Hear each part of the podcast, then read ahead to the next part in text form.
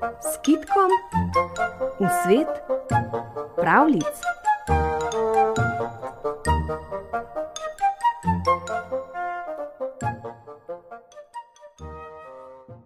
Ko so v rudnem pod Dražgošami še kopali železno rudo za fužine v železnikih, se je po jelovških hostah potikal gorski škrat, ki je v temnih nočeh prihajal v železnike in pojedel vse, kar so mu dobri ljudje pustili na okenskih policah. Stari železnikari še dan danes pripovedujejo, da je imel škrat od vseh jedi najrajši kuhano proseno kašo in da je človeku, ki ga je bil kdajkoli nasitil s kašo, rad pomagal, če je zabredel v revščino. Takrat je v železnikih živel star fužinar, ki je imel ženo in sedem otrok. Doma je bila revščina. A kjer je revščina doma, živi ljudje dobrega srca.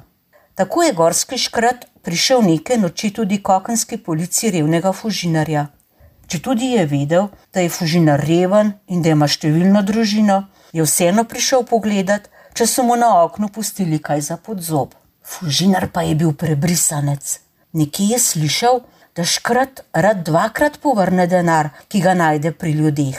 Zato je postavil na okensko polico polno latvico kuhane kaše, zraven nje pa je položil srebrnik. In glejte, naslednje jutro je fužinar našel na okenski polici prazno latvico, v njej pa dva srebrnika. Poslej je slehrni večer nastavil na okensko polico polno latvico kuhane prosene kaše, zraven nje pa srebrnik, in slehrno jutro je našel na oknu na mesto enega kar dva srebrnika. Sčasoma pa je fužinar postal objesten in lakomen. Zato je nekaj noči zakričal: Škrat, ti si bogat, pa mi daš le po en srebrnik, prinesi mi jih pa vam pehar, če si zakaj. Škrat pa je zastokal odgovor: Ojoj, fužinar, mnogo zahtevaš od mene. Toda, če mi daš mater in otroke, ti bom naslednjo noč prinesel z vrhom pehar srebrnikov. Velja?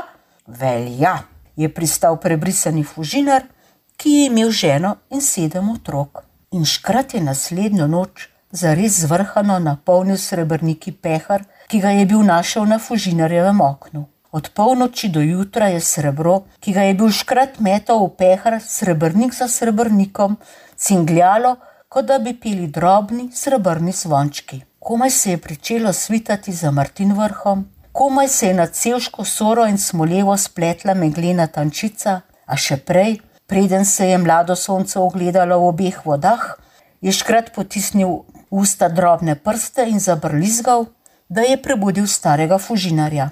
Ta je brž vstal, se v samih spodnjih hlačah približal oknu in zagledal na polici poln pehr srebrnikov ob njem pa škrata, ki je poplesaval in pil. Tu imaš jih, srebrnike, meni pa čim prej prinesi mater in otroke.